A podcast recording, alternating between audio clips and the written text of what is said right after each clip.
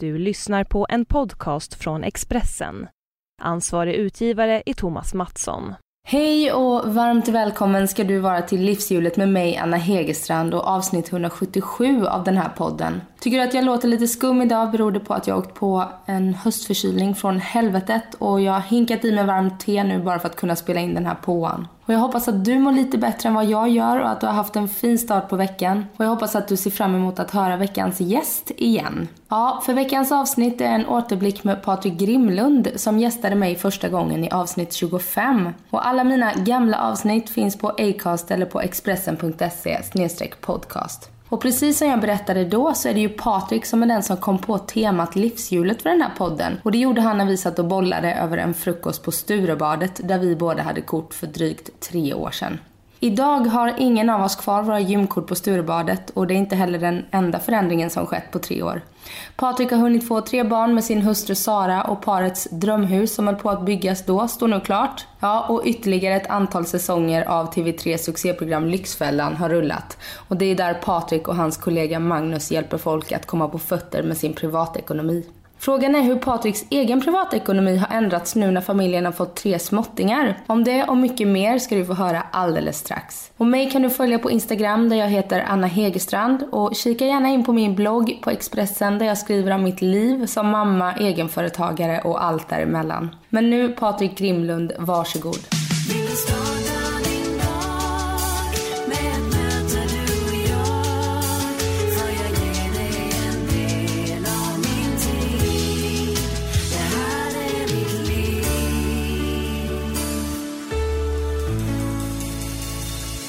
Välkommen hit Patrik. Tackar. Välkommen tillbaka till ja, ja, precis. Det är väl eh, tre år sedan någonting sånt som jag var här. Ja, det är det. Ja, Och mycket har hänt sedan dess. verkligen. Och vi har inte sett så mycket. Nej, nästan. Mm. ingenting. Våra frukostar på Sturebadet är ett minne blott. Ja, för du har inte heller kvar ditt kort. Nej, jag, jag har faktiskt eh, insett att eh, jag hinner inte med den typen av lyx. Jag har annan lyx nu. Ja, och så bor du inte lika nära. Nej, exakt. Jag har ju kvar lägenhet i stan men eh, jag är där så lite som möjligt. Mm. Ja, för sist så höll ni på att bygga hus, men det var ingenting. Eh, ni hade inte börjat bygga än tror jag. Nej, jag tror precis att vi hade börjat eventuellt med markarbeten. Så det är ett stort projekt. Och eh, det tog väl två år från att vi började med första ritningarna till att vi flyttade in. Mm. Och då höll vi ganska bra tempo ändå tycker vi. Vi, det, vi jobbar med det väldigt mycket Mm. aktivt. Det var många, många förslag som eh, så att säga, på, på ritstadiet som ändrades. Ja, det var det. Ja. Stötte ni på mycket problem, så här oförutsedda händelser som eh, Nej, det tycker jag inte. I själva bygget så är det nog alltid eh, vi hade blivit varnade om att det är alltid saker som, som kan gå snett och att det inte blir som man har tänkt. Men jag tyckte det flöt rätt så bra. Sen var det självklart vissa saker som tog lite längre tid än vad man hade trott och leveransen av golvet kom inte. Och, men så här efteråt så tycker man att det var inte så stora grejer. Men när man mitt uppe i det då kan man tycka att det är skitjobbigt. mm. Och vi sågs ju då, eller spelade in Livshjulet eh, i oktober 2013. Okej, Och du sa att huset skulle stå klart till sommaren. ja, Ja, blev det så? jajamän. Vi flyttade in sommaren 2014. Ja, så då har ni bott där i drygt två år nu då. Ja, precis. Och är det helt klart nu? Ja, det är helt klart. Alla tavlor liksom uppe på väggarna, är du den som gör allt klart till sista eller är du som jag att det alltid är något litet som släpar Nej, jag har, jag, om man ska säga allting är klart. Mm. Men sen så både jag och Sara så här massa nya tankar och projekt och små ändringar och sådär. Men eh, nej, allting är klart. Sen just med tavlor, vi är inte så jättemycket tavelmänniskor. Vi har Mm. putsade kalkstensväggar som vi tycker är otroligt vackra. Så vi jobbar mer med belys, punktbelysning på dem och sådär. Så Mm. att en och annan tavla sitter väl i barnrummen kanske. Ja. Och huset ligger eh, utanför Stockholm 45 minuter? 45 minuter tar det och det ligger utanför Taxinge. Taxinge slott eh, känner en del till. De spelar in Hela Sverige bakar där va? Ja, precis. Mm. Att det är fantastisk omgivning och väldigt lantligt. Vi har får som vi ser från fönstret och det är, det är en verkligen idyll. Det är ett naturreservat som ligger i, i Mälaren, då, en halvö. Så att eh, det är verkligen drömmen. Mm. Och fick du ditt eh, poolhus med bastu och pool Jajamän, och sådär? ja precis. Det bästa rummet i hela stället är ju bastun. Alltså det, är, det är min drömbastu, vedeldad.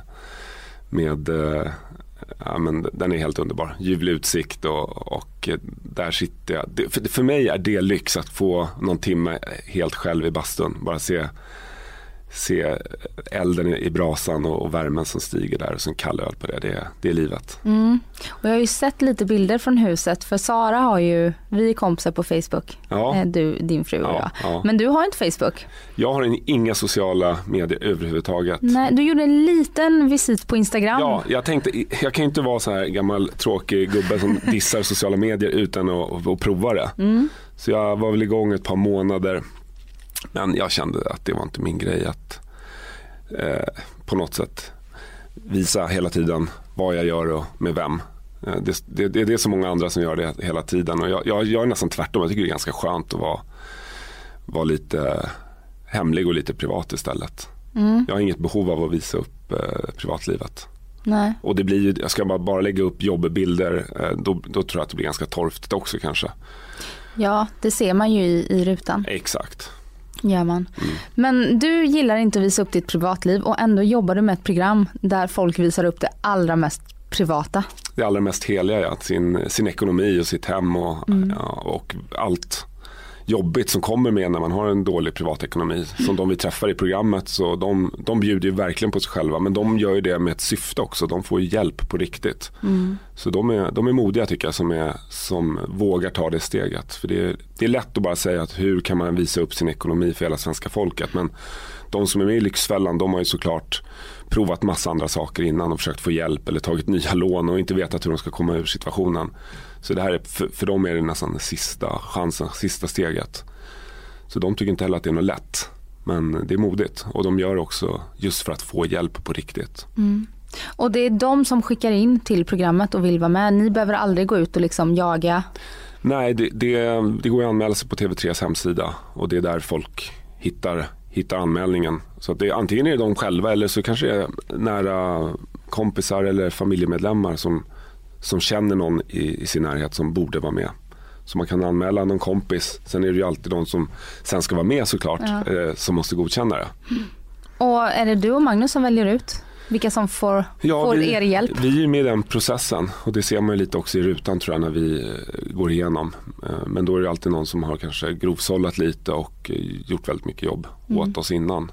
Men vi, vi har ett finger med i spelet där såklart också. Mm, så det är autentiskt, det är inte liksom för tv att ni sitter och går igenom det här utan det är verkligen så? Ja, så är det ju. Mm. Mm. Men, men sen så är det ju inte vi som eh, helt och enkelt kan bestämma att nu tar vi bara den här familjen för det är Stockholmsområdet, det är bekvämast för oss. Nej, Utan det finns så många aspekter att tänka på där. Ja, för din del nu kanske det är skönt att åka iväg lite och få någon natt på hotell.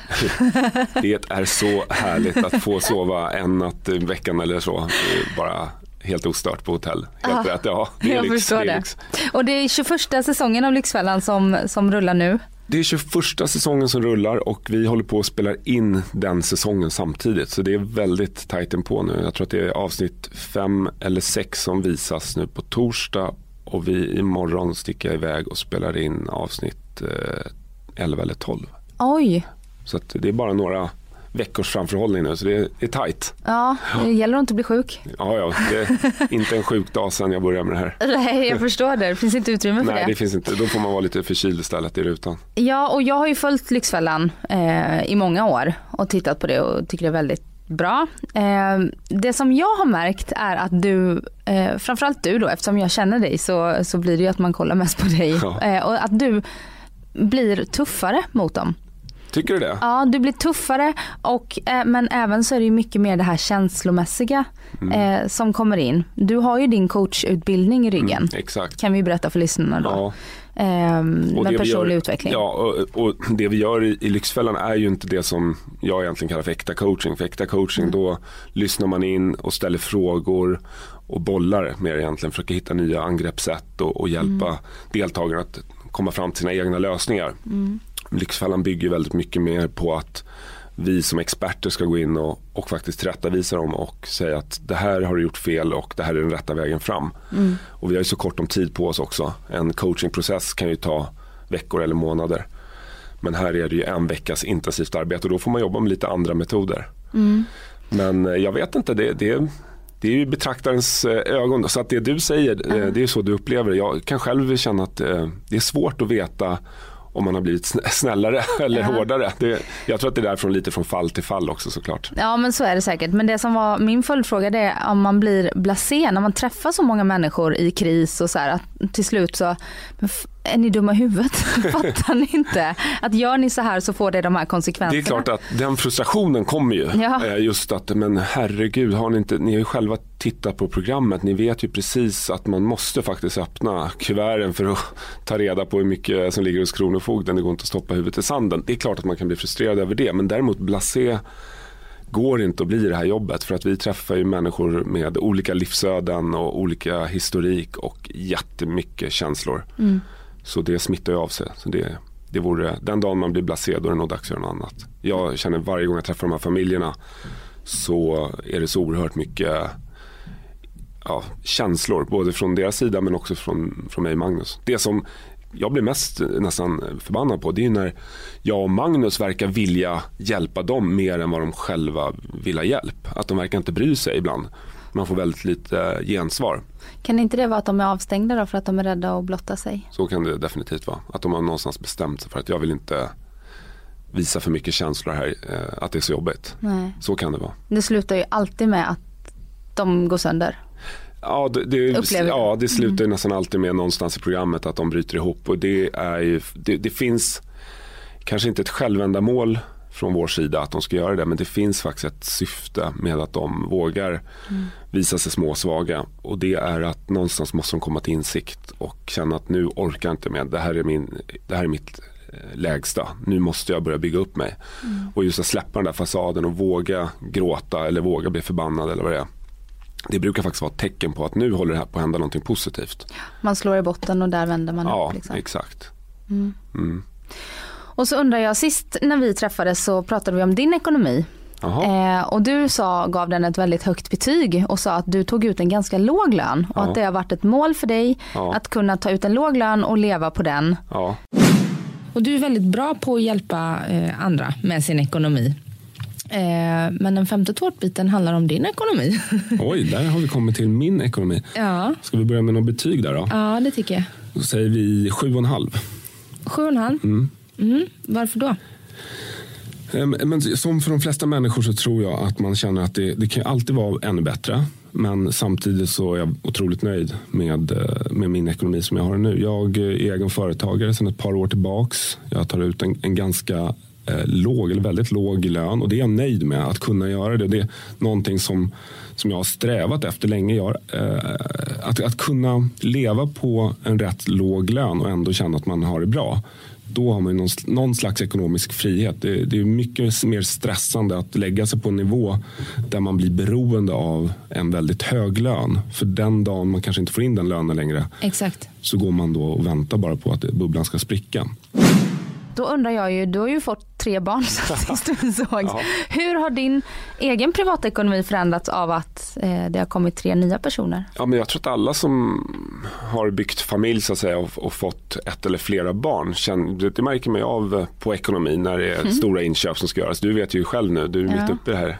Eh, och, eh, Restaurangnoterna, de besöken ja, går ner exakt. och annat går upp. Ja, så är det. Och det är därför jag menar att, och det är ingen överraskning. Eh, man kan, man, kan, man kan inte få barn från ena dagen till den andra och säga att man inte hade planerat för det. Utan man har mm. åtminstone då 8-9 månader beroende på när man får reda på det. Men vi, vi gjorde det här aktivt, att vi fick tre barn väldigt på, på under en kort tid. Mm. Och vi hade ju självklart eh, planerat eh, ekonomin efter det. Så eh, det har varit väldigt stora inköp i vissa perioder med, med vagnar och, och, barnstolar och resesängar och kläder och allting. Som, och så har ni byggt hus samtidigt? Och så har vi byggt hus samtidigt. Mm. Men det gäller ju som vi alltid säger i programmet också, det gäller att, att planera och ha en buffert och, och sen måste man ju prioritera. Om man inte har oändliga resurser så måste man ju då se att okej, okay, det går mer pengar nu på exempelvis då barnvagnar och inköp som, har med, som är barnrelaterade. Men det går mindre krognoter som du mm. sa exempelvis. Och då, då får man kanske en balans där. Det som är problemet är ju när man tror att man kan köra på precis likadant på alla håll och kanter samtidigt. Det, det är väl då som man hamnar i Lyxfällan till slut. Så jag har kunnat fortsätta ungefär som tidigare då med min, med min egen strategi där. Att eh, inte ta ut allt för hög lön. Och det tycker jag är en slags ekonomisk frihet. Att, att det, det kan vara rätt farligt. Jag har sett många som blir beroende av en väldigt hög lön. Och det är läskigt den dagen det händer någonting, att man blir sjukskriven eller eh, kanske går igenom skilsmässa eller blir av med jobbet. Mm. Någonting av det här brukar hända de flesta någon gång och har man då gjort sig extremt beroende av en väldigt hög lön och ändå lever på marginalen då, mm. då har man ju ganska hög fallhöjd. Ja, men det är ju det som samhället uppmanar till hela tiden, att man ska konsumera och köpa. Ja. Så man fattar folk vill konsumera ju för att man tror att man blir lycklig av det. Så är det ju och det, det är det här klassiska på något sätt att det är så väldigt många människor som köper saker som de inte behöver för pengar de inte har för att imponera på kompisar som inte bryr sig.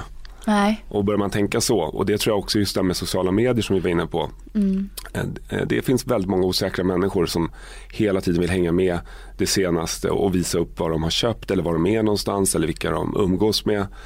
Och det blir någon slags tävling indirekt mellan alla de här eh, Instagramkontona. Oavsett vad folk säger så, så blir det en press och jag tror att det blir jättejobbigt för många att känna att nu har det gått en vecka och jag har inte gjort något roligt. Mm. Då får man nästan ta till eh, ett inköp och visa upp det då kanske. Jag vet inte men vi ser det väldigt mycket. Dels i Lyxfällan men också eh, det behöver inte ha gått så långt Nej. för att man ska känna den här pressen. Så jag tycker det är extremt skönt att bara slippa se allt det där.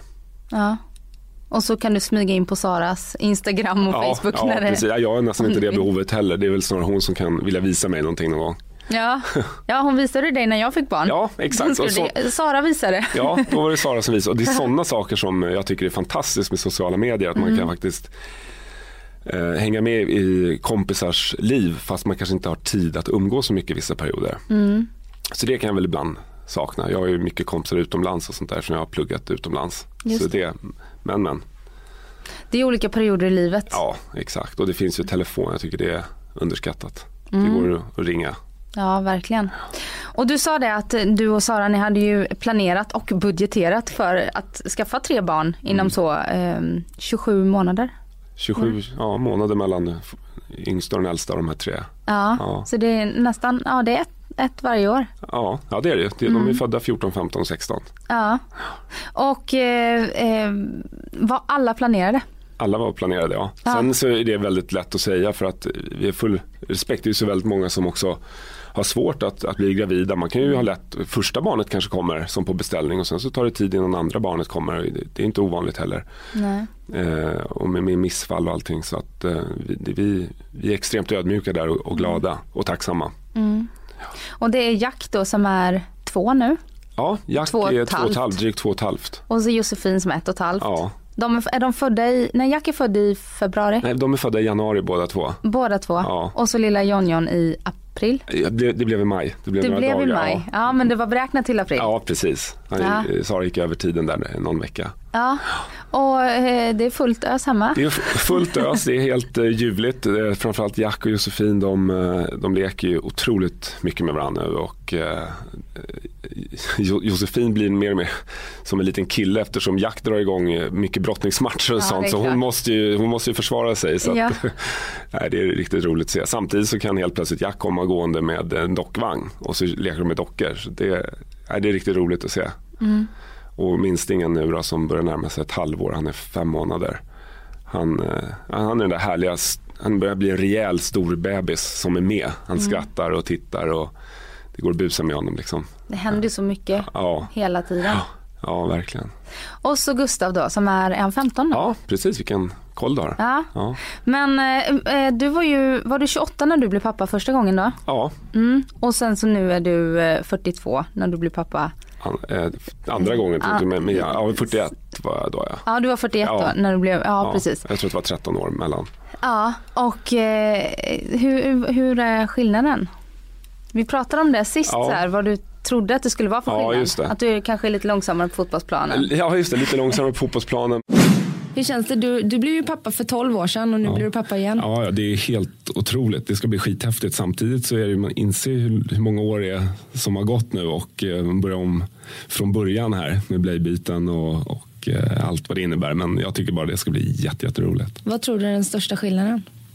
På nu och då? Mm jag tycker det är väldigt svårt. Många säger att eh, som fick barn lite tidigare och sen blir föräldrar senare i livet igen då att man har mer tid och man prioriterar annorlunda. Men jag tror inte det blir så stor skillnad för mig. För jag var en väldigt hängiven pappa första gången också och gick in för det till 100 procent. Och det kommer jag göra nu med. Så vi får se vad den största skillnaden är. Det kanske är att man eh, är lite segare på fotbollsplanen då än vad jag var tidigare. Har det varit någon, någon annorlunda? Nej, jag tror kanske att lite, lite lugnare eh, som person och, och, tryggare och det har gått mm. så många år också. Så, eh, och jag prioriterar framförallt, och det gjorde jag även med Gustav, att, att inte jobba ihjäl mig under perioden när barnen är mm. så små utan finnas där och vara hemma och kunna hämta och lämna på dagis ibland. Och. Ja, hur funkar hur, hur jämställt är det hemma hos er egentligen? Eh, om jag ska vara helt ärlig så är det ju Sara som drar det största lasset. Men hon är också föräldraledig. Sen så är jag i perioder hemma väldigt mycket. Mm. Jag, jag tackar nej till en del uppdrag också nu för att faktiskt kunna vara där och, och leka och, och hjälpa till. Och, sen, Sara är mm. helt eh, grym. Jag är så oerhört imponerad av min fru som mm. Eh, som aldrig, det är jag också ska säga. Ja, men hon klagar aldrig, hon är bara positiv, hon tycker det är så kul och hon hon kämpar på ibland i det tysta. Jag märker inte ens att hon kanske har kört sju maskiner och lagat en middag och förberett morgondagens utflykt. Och, mm. eh, så det all, all, ja, vad ska man säga, all kärlek till Sara där är helt grymt. Och jag mm. tror att det är lätt också som, som för min del då, så, att nästan inte uppmärksamma det där lite. Mm. Så det är därför jag vill också passa på att säga det så här så kanske hon hör det. Men mm. jag, jag, säger väl det självklart hemma också. Men det är, det är lätt att ta saker och ting för givet. Mm. Och sen då och då så blir jag bara så här, då kommer jag på hur, vilket lass hon drar. Mm. Och eh, nej, så det Ja det är så, jag var nere med, med, min son i Jönköping hos min mamma nu förra veckan. Och då var jag ju själv med honom en vecka. Ja. Och då upplever jag ju bara på den veckan att vi har satt rutiner. Och sen så kommer min kille in då, Sebastian kommer in nu och då blir det kaos. Förstör rutinerna. Förstör, nej men det blir, han har inte, för att det går så himla fort, alltså mm. de här faserna, det ändras från vecka ja, till vecka. Verkligen. Så han är så här, ja men nu vill han hänga över axeln, han vill inte ligga ner nej, längre. Nej. Då måste du berätta det. Ja precis, ja. att det är verkligen. Men det är små grejer hela tiden, vi märker det också hela tiden nu. Mm. Det är oerhört mycket som händer. Men vi kan också uppleva det så att Sara säger nästan att det är skönare ibland när jag är borta. För att ja. barnen blir mycket lugnare och mm. leker bättre med varandra. När jag kommer hem då ska de klänga på mig och de är svartsjuka och de då, då duger inte mamma utan då är det bara pappa ja. och sådär. Så att, eh, så de är trötta på henne då? Ja, de har sett ja, för mycket av henne ja, då? Ja, precis. Det är väl något sånt. Mm. Mm. Nej, så mitt uppe i det här så har de dessutom eh, ja, vad ska man säga, den storheten att eh, istället för att säga nu får du ta barnen hela helgen så när jag kom hem för några veckor sedan så hade hon en överraskning till mig. Då, då hade hon eh, fixat så jag, jag och en kompis eh, är an, eller var anmälda då till en prerigor mortisjakt. Eh, och för de som inte vet vad det är så är det en jakt där man alltså skjuter djuret på jakten och bara ett par timmar senare så äter man en fantastisk middag innan likstelheten inträder. Och det är det som det betyder på latin då? Det är det som det betyder mm. på, på latin, pre rigor mortis. Och eh, den jakten ägde rum nu i helgen och det var en av de mest fantastiska upplevelser som jag varit med om. Mm. Både vad det gäller liksom själva i, i skogen då, att vara med och uh, skjuta den här dovhjorten. Men sen framförallt då det som skedde efteråt när man lastade in djuret i, i jeepen. Vi åker till slaktrummet och får vara med om hela styckningsprocessen hålla i de här inre organen och sen veta att eh, bara om en timme så kommer det vara en eh, fantastisk nio rätters middag på det här djuret. Och de som var, det är ju riktiga köttnördar. Absolut inte som några, du. Som jag ja. Men, men som uppskattar den goda maten och kanske inte bara det här skottet och, och, jakten utan de som var deltagare på det här det var inte alla som var jägare. En del var ute i skogen på jakt för första gången. Men du har jägarexamen? Ja, jag tog faktiskt jägarexamen för ett och ett halvt år sedan jag tänker nu när man flyttat ut till landet och mm. vi umgås mycket med folk som har jaktmarker och lever det, den livsstilen. Mm. Och jag älskar ju naturen och uh, sådär. Så då kände jag att nej, men då, då vill jag kunna vara med på det här. Det är en stor del av, av livet där nere i, i Sörmland när man kommer in i de kretsarna. Så det, det tycker jag är jättekul. Så jag har blivit eh, inbjuden på flera jakter och det, det är ett väldigt härligt sätt att umgås. Mm. Och jag måste bara gå tillbaka, du fick alltså den här upplevelsen av Sara? Jag fick den, eh, den här jakten av Sara, eller framförallt middagen och eh, det ex, extrema eh, generösa tillhörande dryckespaketet. Ja, och är du lika bra på att uppvakta henne? Oj, oj, oj, Anna, nu satte du mig. Det ska väl hon svara på egentligen. Ja, Men jag, om du får säga det själv. Ja, om jag får säga det själv så vet jag att jag tycker att nu har jag inte varit så bra senaste tiden. Lite dåligt samvete har jag. Så att, eh, någonting, mm. någonting måste Det var jag... bra för dig att komma hit och prata. Ja, det var det. Jag borde komma hem med blommor lite oftare. Jag borde kanske göra någon överraskning lite oftare. Men eh, vi har väldigt härligt tillsammans. Vi tillbringar mycket tid och sitter framför brasan och, och dricker ett glas champagne och pratar väldigt mycket. Vi, hemma hos oss är tvn nästan aldrig på. Nej. Och det är någonting som jag märkt också sen vi fick barn nu att när de sover då ägnar vi oss åt varandra och, och har inte så stort behov av att sitta och, glo på tv. Nej. Det, det är livskvalitet på ett annat sätt faktiskt. Det har man ju insett nu när man har fått barn att det är viktigt att göra vardagen mysig. För ja. det är så mycket vardag och man är hemma så mycket. Ja. Man är ganska låst hemma när man ja. har så små barn. Ja, precis. Och jag menar en lördag eh, eller en söndag är inte ledigare än en det är ingen större skillnad mellan en tisdag och en lördag egentligen om man är hemma med småbarn. Utan Nej, de det kan vara en jävlig natt då också. Ja, det kan vara en jävlig natt och de har sina behov hela tiden som, ja. så att, som det är fokus på. Så det, det håller jag med om verkligen. Det gäller att ta de här tillfällena i akt och, och ha det lite härligt. Ja, och eh, tidigare så har ju du eh, haft en resa du gör varje år, eh, varje sommar. Mm, det var några år sedan nu. Ja, ja det ja. var några år sedan nu. Du pratar om eh, när jag är ute och vandrar, vandrar fjällvandrar. Helt själv? Helt själv. Ja, det, ja. det var ju faktiskt en, en, sak som jag verkligen uppskattade och som jag gjorde en vecka varje sommar. Så mm. tog jag en vecka där jag lämnade dator och mobil och allting hemma i Stockholm och sen så vandrade jag längs Kungsleden eller i de trakterna där uppe. Och, eh, det, det var en väldigt så här, ro för själen. Jag älskar att gå långt och bära tungt liksom, och känna det här fysiska att man mm. verkligen jobbar med kroppen samtidigt som man då stänger av allt annat och bara får tid eh, att tänka och eh, rensa och sortera tankar. Och, och framförallt en grym naturupplevelse. Mm. Jag har rest ganska så mycket till många häftiga platser runt om i världen. Men att gå i de svenska fjällen där det är helt orört och man kanske bara stöter på ett gäng renar på en hel dag, inte en annan människa. Och se den naturen och den storslagna miljön. Det är nästan det mest exotiska jag har sett eh, någonstans. Mm. Så ibland så reser vi alldeles för långt när vi har ballast i, i Sverige. Och det här är ju som sagt några år sedan. Du har inte varit iväg på den sedan du träffade Sara. Nej, precis. Hur, hur kompenserar du för den veckan nu? Hur ja. får du din egen ja, tid ja, det är väl, nu det är väl, i allt? Det är väl bastun då. då. Ja, det, är bastun. det, det är väl den här, den här timmen i bastun någon gång i veckan som, som jag kompenserar för skulle jag tro. Det, det är det som, den njutningen och den stillheten där. Mm. Men eh, Sara älskar ju också det där lite friluftsliv så vi kan ju ta barnen och gå in i skogen bakom oss och ha lite picknick där också. De får sätta på sig sina ryggsäckar och mm. det räcker med att gå 200 meter så tycker de att det är ett stort äventyr. Så det, det är också ett sätt att kompensera att göra det tillsammans med dem fast det blir en helt annan grej. Ja. Och din tid med Gustav, mm. har ni någon sån här eh, egen tid som ni kör? För han är ju äldre ändå. Ja, ja, han är äldre, han har helt andra behov också nu. Han är 15 och eh, vi gjorde faktiskt i somras var vi iväg på en riktigt häftig far och sonresa i Europa. Så bilade vi en vecka bara han och jag.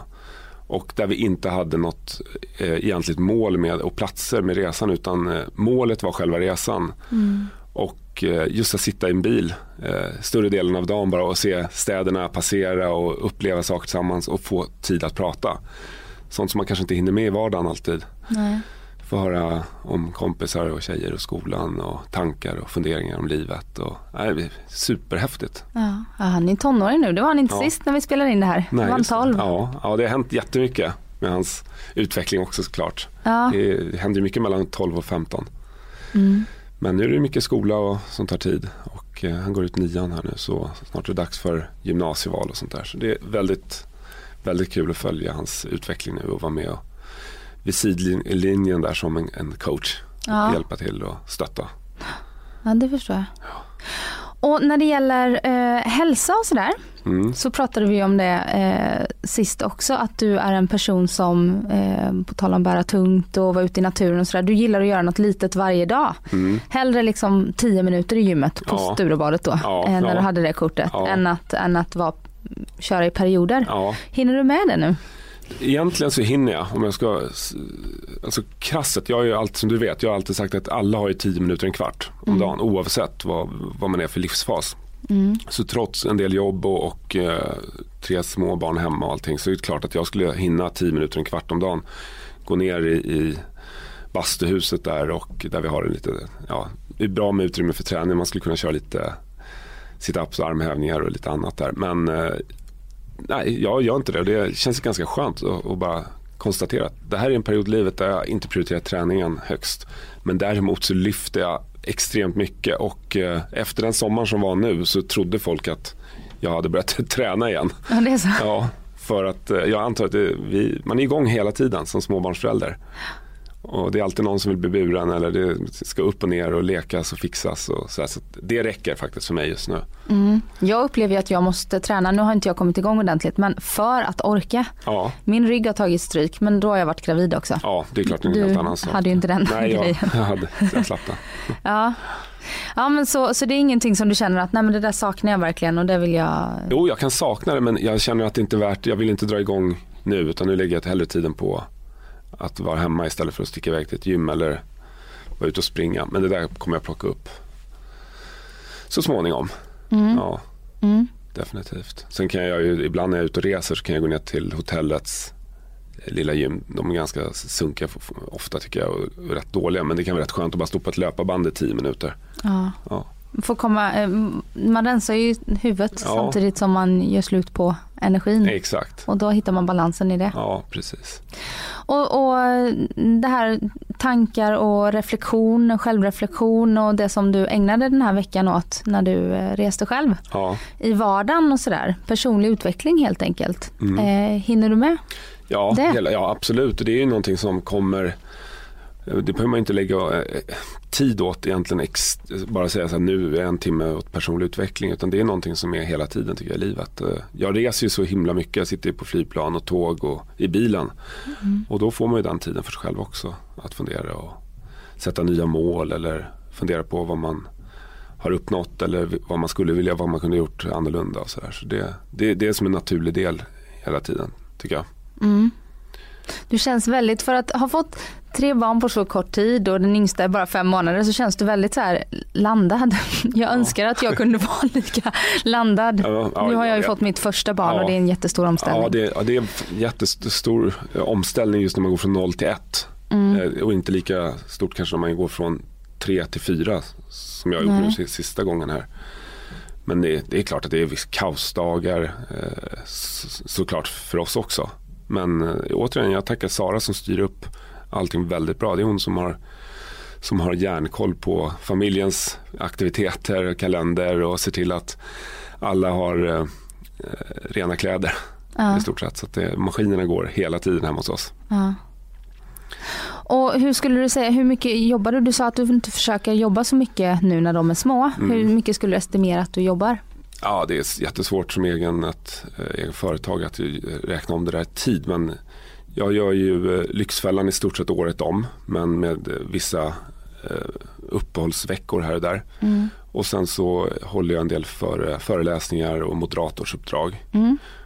Och sen är jag väl konstant eh, i en skriv, skrivprocess. Jag har ju ett hemmakontor också där jag kan, på tal om att få lite egen tid där, där kan jag gå upp och sitta och, och skriva lite också. Så det, jag jobbar nog en, en del men väldigt mycket hemifrån. Mm. Vad skriver du på? Lite blandat. Lite blandat? Lite blandat. Ingenting som du vill prata om? Nej, inte just nu. Det Nej. finns många, många projekt. Dels är det facklitteratur inom ledarskap och coaching. Dels så håller Magnus och jag på med en outline till en ny ekonomibok. Vi har gett ut en sedan tidigare. Mm, det är snart två år sedan den kom va? Ja, på Norstedts för två år sedan ungefär. Klirr i Ja. kassan. Mer klirr i kassan Mm, heter den. Ja. mm. ja, så den är egentligen en sammanfattning av allt det som vi har sagt i programmet genom åren. Men också en eh, utbyggnad av det som kanske inte kommer fram i programmet så mycket. Just om hur man kan börja fundera kring sparande och fonder och, och uppfylla drömmar rent ekonomiskt. Ja. Det behövs en kurs för nybörjare. Jag är jätteintresserad ja. av att börja liksom så här, eh, med aktier och fonder ja. och sådär. Men det känns bara övermäktigt allting. Ja, och det ska du inte behöva göra. Så det, vi får ta en crash course. Ja, men du har ju alltid varit intresserad av e- ekonomi. Ja, jag tycker det är ja. jättekul. Eh, och liksom se det man har, hur det kan växa och sådär. Ja. Mm, bra, Nej, men det, jag tror att det är jättemånga människor som, precis som du, som tycker att det verkar vara krångligt och jobbigt och var ska man börja? Och, mm.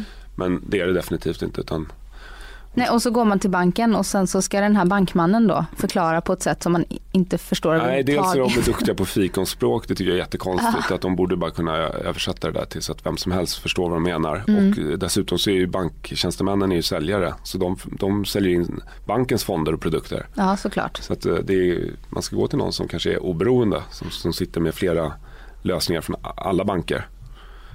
Så att eh, det, det är en bra början. Mm.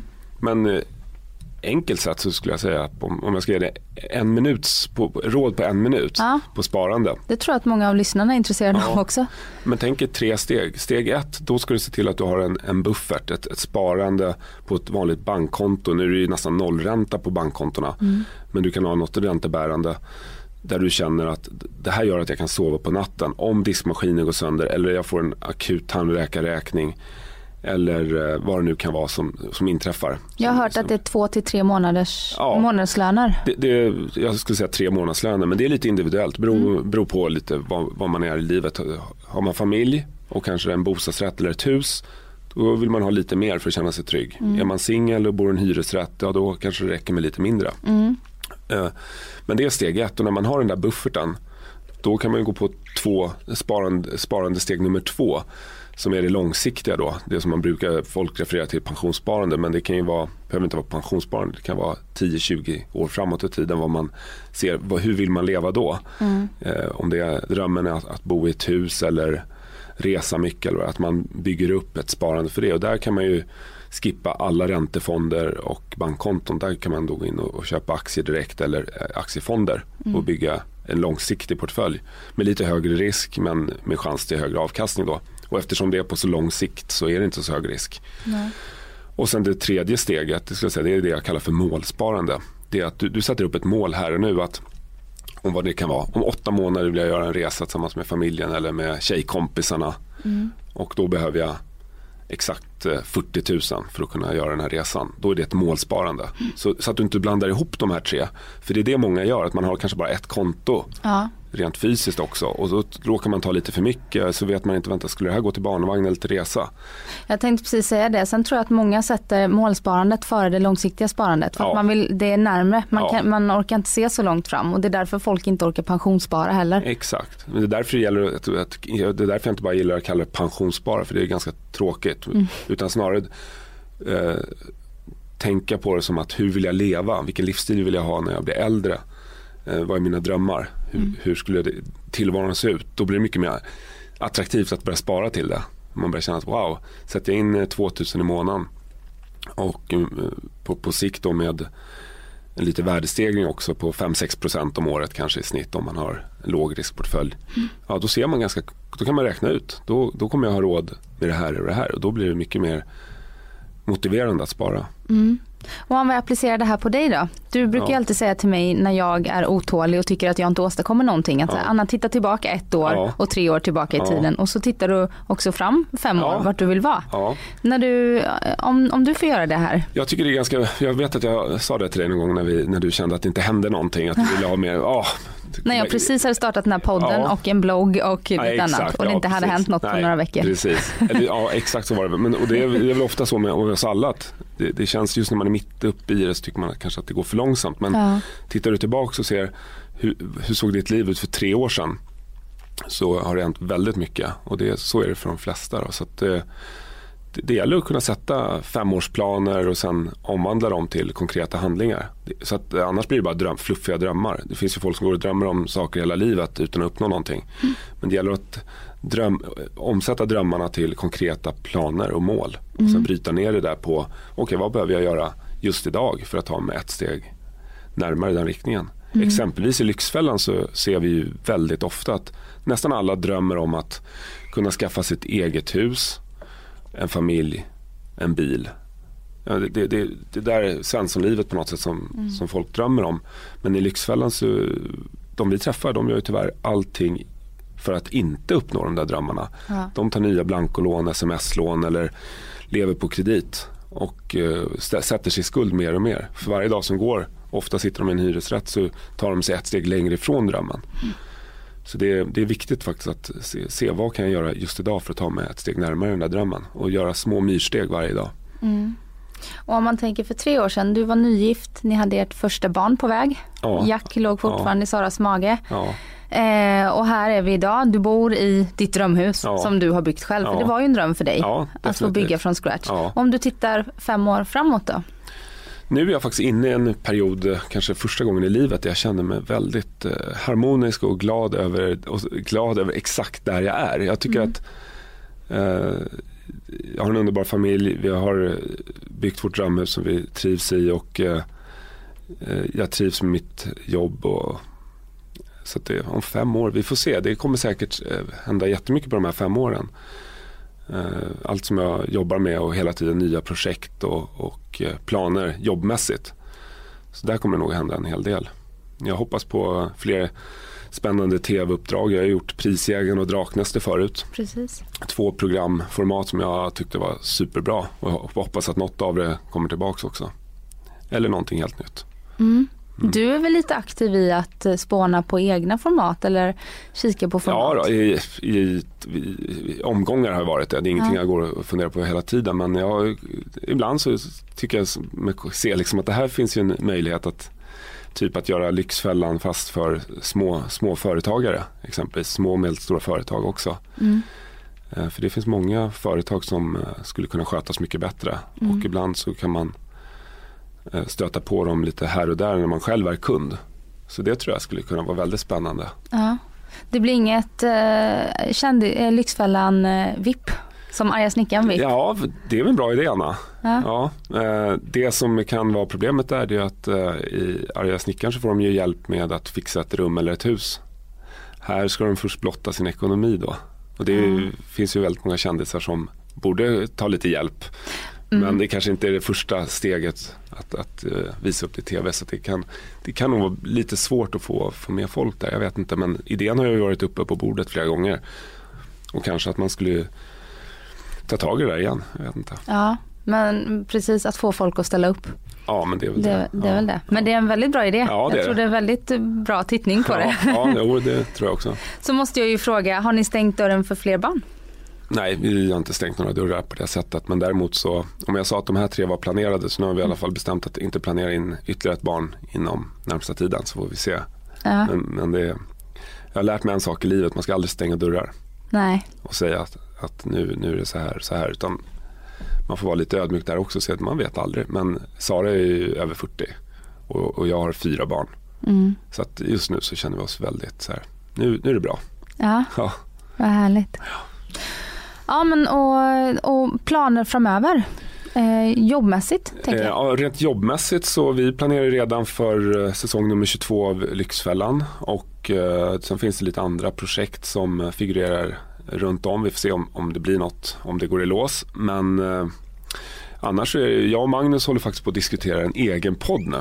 Sent ska de gamla Lyxfällan-killarna vakna till liv. Men, nej, men vi, precis som vi pratade om så det finns ett behov av att prata ekonomi och, och göra det kanske i ett forum där där man inte behöver uh, sätta någon på plats eller, eller hjälpa mm. någon konkret utan snarare generellt prata kring olika livssituationer och uh, sådär. Så att vi, vi håller på nu och förbereder oss lite för att starta en ekonomipodd. Det tycker jag är jättebra. Jag lyssnar redan på flera ekonomipoddar. Ja. Eh, bland annat har ju Blondinbella en podd mm, som det. startade på Expressen faktiskt. Ja, och sen ja. så finns det en som heter Prata pengar. Eh, men just det här att ta upp och så olika teman varje eh, varje avsnitt och göra det enkelt. Ja, enkelt och är... lättförståeligt och sen samtidigt kanske bjuda in några spännande gäster som får berätta om sin ekonomiska resa. Ja.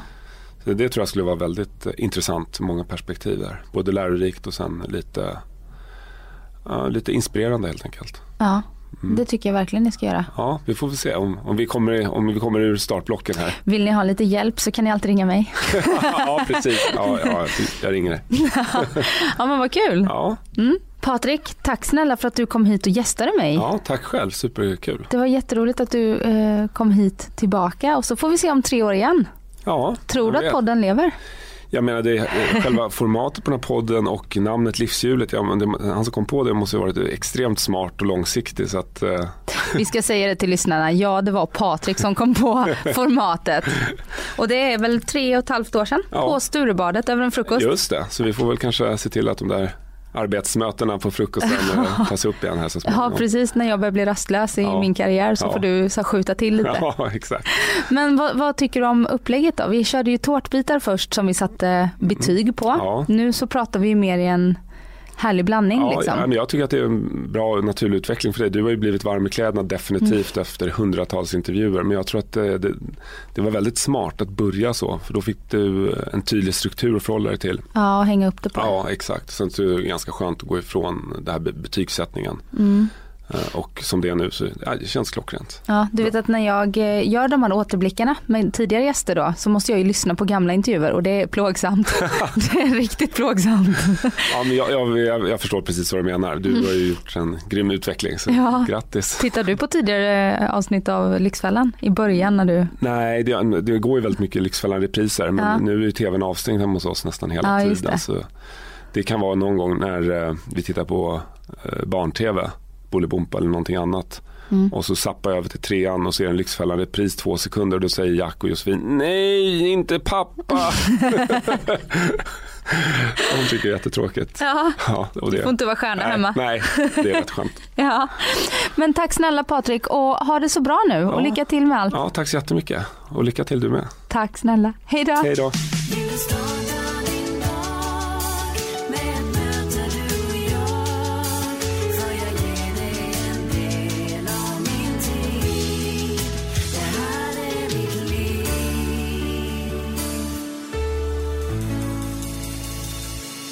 Du har lyssnat på en podcast från Expressen.